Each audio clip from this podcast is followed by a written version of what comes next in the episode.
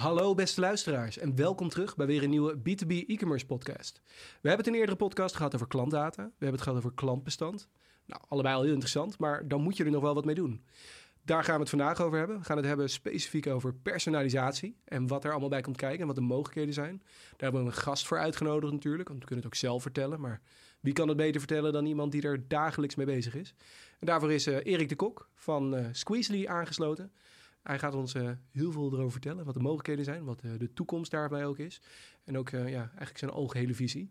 Ik ben heel benieuwd. Um, ik ben jullie host Imre en laat maar gewoon gelijk beginnen.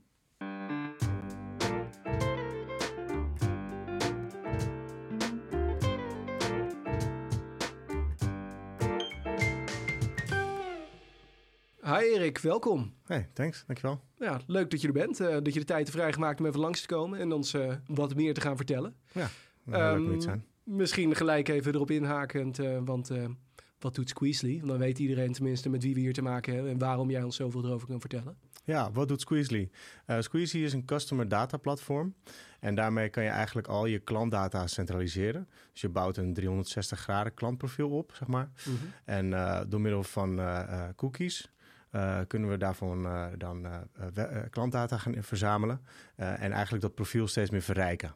Okay. Nou, op een gegeven moment heb je veel klant, klantdata verzameld. En dan kun je op basis van die klantdata kan je dan personalisaties gaan maken op de website. Of je kan triggers gaan instellen waarmee je bepaalde campagnes uh, ja, afvuurt. Zeg maar. Dus heb je mailcampagnes, maar ook campagnes op socials.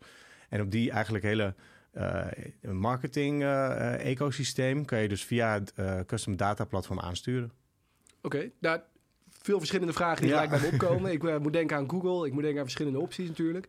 Uh, maar je noemt net uh, op het eind ook weer Customer Data Platform. Ja. Misschien goed om daar even eerst op in te zoomen. Wat, wat, houdt, wat zit daar allemaal precies in dan? Want je noemde net een 360 graden profiel, Customer Data Platform.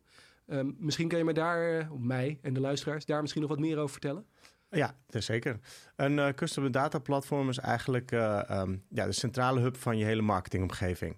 Uh, dus het is een plek waar uh, informatie verzameld wordt. Mm -hmm. Het is een plek waar informatie verrijkt wordt. En het is een plek waar informatie verzilverd wordt. Uh, het begint eigenlijk allemaal met de cookie op de website. Ja. daarmee wordt een bepaalde bezoeker herkend. Okay. En die wil je uiteindelijk gaan koppelen met nog veel meer andere informatie. Dus wat je dan bijvoorbeeld kan doen in Squeezely is een pop-up um, maken. En daarmee ga je dan een e-mailadres uitvragen. Dat kan in ruil voor korting op de site of uh, omdat je dan een uh, nieuwsbrief gestuurd krijgt of iets dergelijks. Maar er zit meestal wel een soort incentive achter. Ja. En als je die twee hebt, uh, dan heb je al eigenlijk al best wel wat. Want dan kan je bepaalde e-mailcampagnes laten triggeren op het moment dat je ziet dat er bepaald gedrag op de website uh, plaatsvindt. Wel specifiek op de website van de klant, zeg maar, die in dit geval hiermee werkt. Ja, dat is ja. vaak wel het centrale punt. Um, bedoel, of bijvoorbeeld een uh, abandoned cart uh, campagne. Ja. je hebt een winkelwagentje vol met spullen gedaan. de telefoon gaat, iets dergelijks. Je bent afgeleid, je klikt je browser weg en je komt ja. er eigenlijk niet meer op terug. Dan is het wel goed eigenlijk voor het e-commerce platform om dan nog even een herinnering te sturen van hé, hey, er zitten nog drie producten in je, in je mandje. Want waarschijnlijk is de intentie hoog dat diegene dat ja. uiteindelijk wil gaan, gaan aanschaffen. Dus dat is eigenlijk een heel snel voorbeeld. Maar er is eigenlijk uh, ongelimiteerde mogelijkheden verder. En wat het beetje het doel ook is, is om dat klantenprofiel, dus dat 360 graden klantenprofiel, om dat ontzettend te gaan verrijken met zoveel mogelijk informatie. Ja. Dat kan op vele manieren. Uh, dus je kan kijken naar uh, klikgedrag op de website. Um, stel, het is een webshop met zowel mannen als vrouwenkleren. Ja. Dan uh, kan je erachter komen doordat iemand aan het browsen is op alleen maar mannenkleding, in mijn geval. Dan weet je dat ik een man ben. Ja. En zo heb je dus een cookie, een e-mailadres en een, een gender vastgelegd. Zal weer een stuk specifieker uh, targeten dan uh, in beide genders, zeg maar. En Ja. zo, zo is het eigenlijk in te richten zoals het per uh, ja, gebruiker wenselijk is. zo kan je eigenlijk het hele customer data platform inzetten. En is het niet alleen e-mail mogelijk, maar zijn er eigenlijk veel meer mogelijkheden die getriggerd kunnen worden in een customer data platform. Oké, okay, top. Ja, nou interessant inderdaad, want er zijn er heel veel opties voor. Want dan is gelijk het tweede deel inderdaad de personalisatie, zoals je net al noemt. Ja. Het kunnen herkennen, het is een man, het is, uh, hij houdt hiervan. Misschien klikt hij altijd een bepaalde categorie. Kun je uiteindelijk een stijl achterha achterhalen wat je allemaal uh, erbij komt kijken. Ja. Wat, wat zijn allemaal opties voor personalisatie die daarbij komen kijken? Nou, het is, het is eigenlijk een beetje dynamische content. Uh, ja. En die kan je op verschillende vlakken inzetten. Uh, dus je kan uh, bij ons embedded content uh, gebruiken. Dus je bepaalde ja, delen, blokken op de website allokeren om daar die dynamische content op in te zetten. Ja. In een eerste bezoek is dat meestal wat lastig, want dan heb je nog niet zo informatie over, die, eh, over de cookie, zeg maar. Ja. En in een tweede bezoek is dat wel een stuk makkelijker. Dus dan kan je kiezen bij een tweede bezoek, kiezen we dat dit blok ingezet wordt voor die dynamische content. Uh, in mijn geval zouden het al zwarte schoenen zijn of iets dergelijks. En dan bij het tweede bezoek zie ik dan weer die zwarte schoenen daar prominent op de homepagina uh, getoond worden. Aan de andere kant kan het ook via een mail, een, een ESP, dus via een e-mailplatform. Ja kan je uh, nou ja, ook die dynamische content weer inladen. Dus daar kan je dan ook bepaalde blokken binnen de mail inzetten... Ja. die precies passen bij dat cookie of een bij die persoon. product dat dan weer specifiek gerichter is... in plaats van hier heb je 15 producten, is er één die er past. Ja. Maar deze alle tien zijn eigenlijk die, die je nu zou willen afrekenen. Exact, ja, ja. zeker. En is dat iets... Uh, want ik zie het zelf ook steeds vaker. En ik moet zeggen, hoe... Er zit voor mij ergens in mijn achterhoofd ergens iets een beetje creepy, weet je wel. Iemand weet dingen van mij en ik kan het op daar die manier achterhalen. Aan de andere kant merk ik voor mezelf dat ik het ook heel fijn vind. Dat als ik bijvoorbeeld naar een webshop ga, dat het al vrij bij me past. Ja. Is dat een trend die jij überhaupt ziet? Dat mensen personalisatie eigenlijk gaan verwachten? Zeker, ja. Vooral ook onder de wat nieuwere, jongere generaties. De generaties die op internet opgegroeid zijn. Ja. Uh, daar zie je dat steeds meer inderdaad. En ook uh, vanuit perspectief uh, van tijdwinst en, en gewoon gebruikersgemak. Ja. Uh, je, je dient de klant eigenlijk met het uh, product dat ze zoeken. Ja. En in die zin denk ik ook dat het ja, heel erg prettig kan zijn.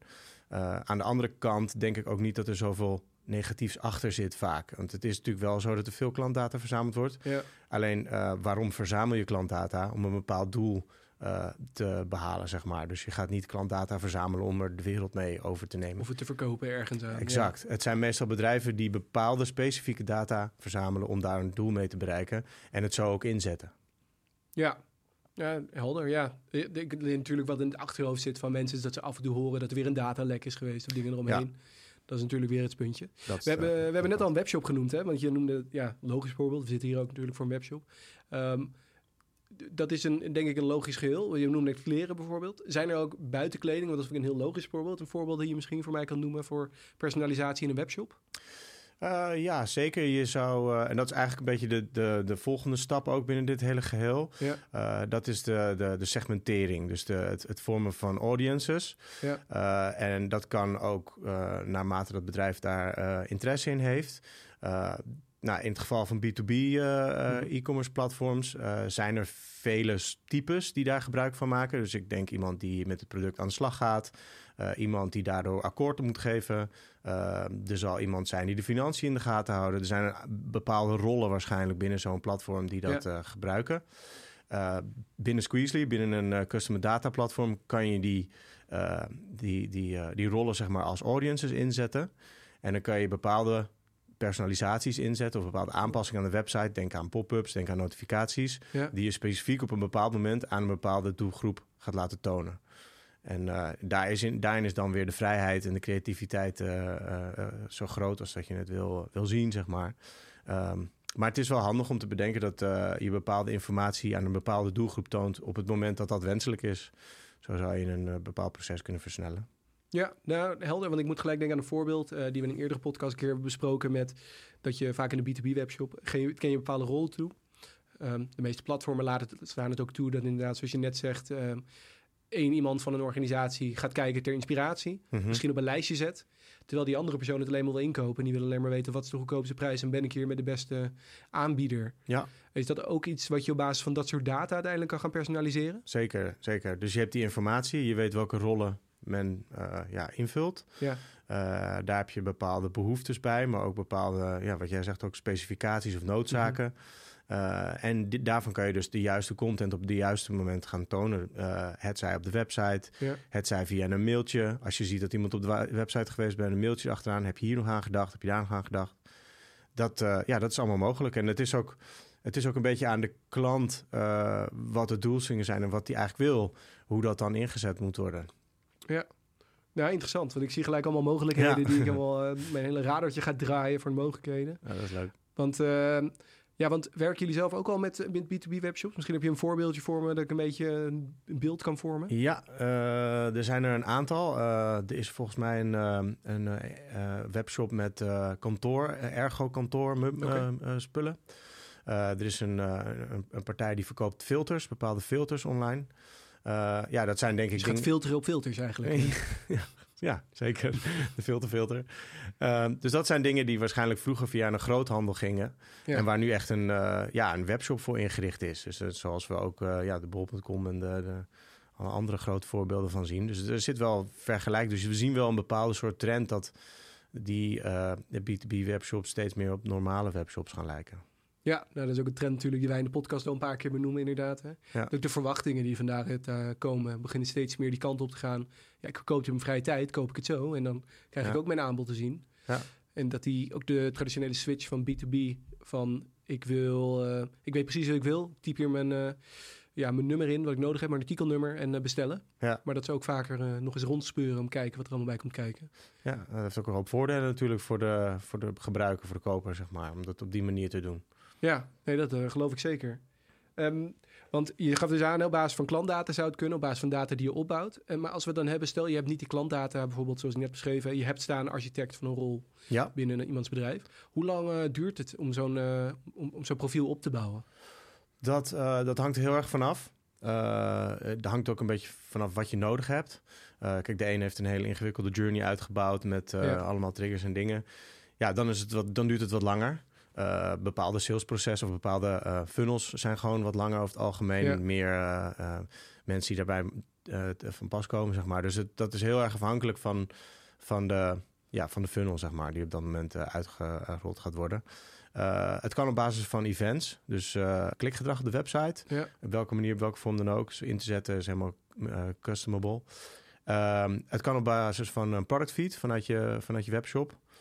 Uh, en het kan ook op basis van import. Dus uh, als je al een bak uh, met gegevens hebt, dan kan je die gewoon CSV inladen. En op basis daarvan kan je, kan je ook dat proberen te koppelen aan cookies. En als je dat gelukt is, dan heb je natuurlijk ook, ben je natuurlijk ook wel heel ver. Okay. Oh, top. Dus je zou heel snel kunnen starten. Maar aan wat voor gegevens moet ik dan denken? Is dat een Google Analytics daar, uh, export die je ergens vandaan kan halen? Of?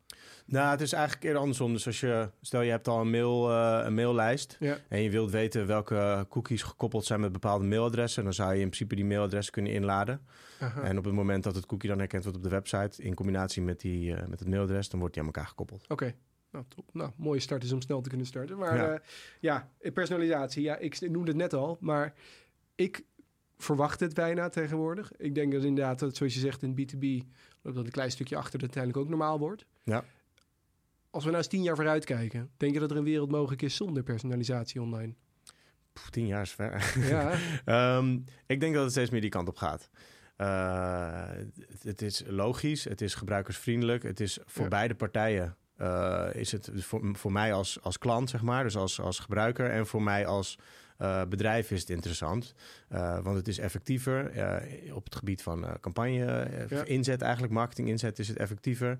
En op het gebied van gebruikersvriendelijkheid is het ook een stuk effectiever. Dus ik, het mes snijdt aan twee kanten. Dus ik, ik denk dat het alleen maar steeds groter en meer gaat worden. Hoe dat precies eruit komt te zien, vind ik wat lastiger. ja. um, maar ik denk wel dat het, ja, ja, het zal steeds meer op de man afkomen. En er is ook steeds meer informatie beschikbaar natuurlijk. Want hoe verder we de tijd ingaan, hoe steeds meer data er verzameld wordt. En er zijn natuurlijk ook steeds meer uitingen waar, waarop dat ingezet gaat worden. Ja, nou, dus over tien jaar kunnen we eigenlijk uh, ja, gewoon naar elke website gaan en binnen twee minuten zijn we klaar. Uh, tenminste, even heel kort door de bocht. Idealiter. ja, en, maar ja, tien jaar is inderdaad, je noemde het al, is een tijdje. Ja. En als we dan nu even kijken naar nu, ik kan vanuit jouw rol waarschijnlijk het ook, zie je dat wel. Zijn er dan sectoren die eigenlijk nog bijna geen gebruik maken voor personalisatie, waarvan je zelf denkt, hoezo eigenlijk niet? Jullie zijn er perfect voor geschikt. Ja, nou goed, e-commerce loopt voorop. Uh, B2C, heel logisch ook, want het is een vrij overzichtelijke stappenproces, zeg maar. En het is natuurlijk uh, heel erg, uh, ja, hoe noem je dat? conversie of verkoop gedreven. Maar ik denk ook dat het wel op andere vlakken ingezet gaat worden. Um, dus in het gebied van lead generatie. Eh, content. Uh, dus uh, ja, de verspreiding van content, de juiste, de juiste manier, de juiste artikelen aan, aandragen, zeg maar. Dus het zou me niks verbazen als het ook het nieuws op die manier meer verspreid gaat worden. Zo. Of als je gaat kijken naar lead generatie, dan heb je het over whitepaperverspreiding. ook dat is iets waarbij je liever op de man afgeserveerd wordt, in plaats van dat je eerst een hele bak met categorieën door, categorieën door moet spitten. Ja. Uh, dus op het gebied van content denk ik ook dat er nog heel veel eh, te winnen valt. En daar zie ik het op dit moment nog wat minder. Uh, het gebeurt wel al. Uh, maar je ziet ook wel dat men daar ook hun doelstellingen veel sneller behalen dan, dan voorheen als het gepersonaliseerd aangeboden wordt. Ja, ja, het is natuurlijk ook wel belangrijk dat het goed wordt ingericht. Want als je dat niet goed op een goede manier hebt, dan wordt het lastig. Ja, maar ja. inderdaad, interessant inderdaad om het ook vanuit de website te doen. Jullie doen het zelf ook op je eigen website? Nee, Nee. grappig genoeg. Oh, Ja, nee, daar zijn we wel mee bezig hoor. Maar wij hebben best wel een, ehm, een, een, simpele site in die zin. mhm. Eh, maar dat eh, ja, moeten we nog wel gaan doen. ja, nou, dan ben ik heel benieuwd. We laten over een periode dus even. we hebben prioriteiten bij het product gelegd de afgelopen tijd. Ja, dat is ook een goede keuze natuurlijk. Ben ik wel benieuwd als we over een tijdje weer eh, spreken om te horen hoeveel leads er dan heeft opgeleverd. Dan Ja, hebben we daar een nieuw haakje voor. Ja. Zijn er nog andere dingen waarvan jij denkt, dat wil ik graag nog even benoemen? Want dat wordt vaak nog een beetje onderbelicht in, het, eh, in de wereld van personalisatie. Eh, we kunnen wat voorbeelden. Eh, in, in het geval van, we hebben een hele mooie klant, Mikazu. Oké. Het is niet echt een webshop, het is Ja. een travel, travel organisatie. Dus het is een beetje zoals Airbnb, zeg maar, waar je dan eh, vakantiehuizen kan huren. Dus mensen die vakantiehuisjes aan te bieden hebben, die kunnen ze ook daar op de site neerzetten. Ja. En daar eh, hadden we bijvoorbeeld een eh, trigger gedaan op het gebied van eh, categoriseringen. Dus Mhm. we hadden dan gekeken, je hebt Spaanse huisjes, Franse vakantiehuisjes of Italiaanse vakantiehuisjes. En op het moment dat dan de persoon op de website kwam en je ging naar de categoriepagina van Spanje en je was daar Mhm. een beetje aan het rondbrowsen, wisten wij dus, dit is iemand die op zoek is naar Spaanse, Spaanse vakantiehuisjes. En eh, zo konden ze dan de juiste e-mailadressen of de juiste e-mailcampagnes Ja. instarten. Maar ook bijvoorbeeld op Facebook eh, een eh, retargetingcampagne inzetten. En later als de bezoeker voor de tweede of derde keer op de website kwam, kon er ook een heel blok met Spaanse vakantiehuizen getoond worden. Dat is een beetje een hoge, grote categorie, want heel veel verschillende soorten mensen gaan naar een bepaald land. Ja. En daarin zou je dus ook verder kunnen, eh, konden we dus ook verder specificeren of ze geïnteresseerd waren in een drie-kamer appartement, in een vierkamer appartement, of zelfs een vijfkamer appartement. Ook qua duur, dus van een eh, hoe, Hoe lang ze willen. Precies. Periode misschien zelfs nog. Ja, periode, Ja. dus een zomer en een, eh, en een wintervakantie. Dat waren dingen waarop gespecificeerd werd. Als de vakantie geweest was, was er via eh, eh, de website ook weer een trigger in te stellen... dat als ze weer opnieuw aan het kijken waren... dat je dat weer kon laten aansluiten op de vorige bestellingen, zeg maar. Dus er zit ook een soort van eh, ja, resell in. En ook cross-sell is ook vaak mogelijk. Nou, is dat bij een vakantiehuis een beetje lastig... Maar je zou kunnen denken bij een vakantiehuis misschien aan een... het is in dit geval niet zo, maar Mhm. dat je dan autoverhuur erbij doet. Dat dat dan ook aansluit op Ja. de vakantie die je net geboekt hebt. Dus zo zou je eigenlijk ook eh, het platform kunnen gebruiken als een eh, eh, centrale hub, waar dus alle data in verzameld wordt. En waar vanuit je eigenlijk dat hele eh, marketing-ecosysteem kan orchestreren. Dus we zien het ook een, altijd een beetje als de dirigent van je, van je orkest. Ja, ja. Waarvan je dan dus aan de knop kan gaan draaien om eigenlijk alle ja, triggers en campagnes in te zetten. Zodat het ook op de meest effectieve manier ingezet wordt.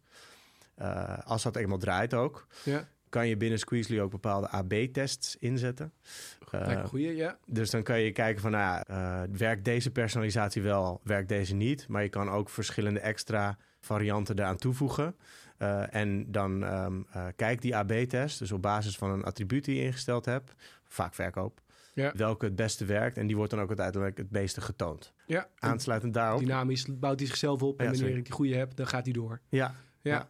Ja, zeker. Dus eigenlijk ook zoals bij Facebook vaak werkt. Dat ze een bepaald eh, plaatje gebruiken die, ze, eh, die het beste gaat. En die wordt dan uiteindelijk het meest getoond ook van alle plaatjes die... eh, ja in- dus je hoeft, niet zelf, je hoeft in principe niet zelf nog terug te keren naar het platform van... oh ja, deze werkt beter, dus doe maar die. Exact. Maar dat je hem vanzelf oppakt. Je kan hem gewoon aanzetten terwijl je op vakantie gaat. En drie maanden later, Ja. een hele lange vakantie. Maar Lekkere vakantie. ja, een lekkere vakantie. Maar als je er eenmaal terugkomt, dan, dan draait hij helemaal optimaal. Ja, dat klopt. Hoe meer informatie erover beschikbaar is. En dat sluit ook weer aan op de doelgroepen. Dus een, een bepaalde doelgroep ja.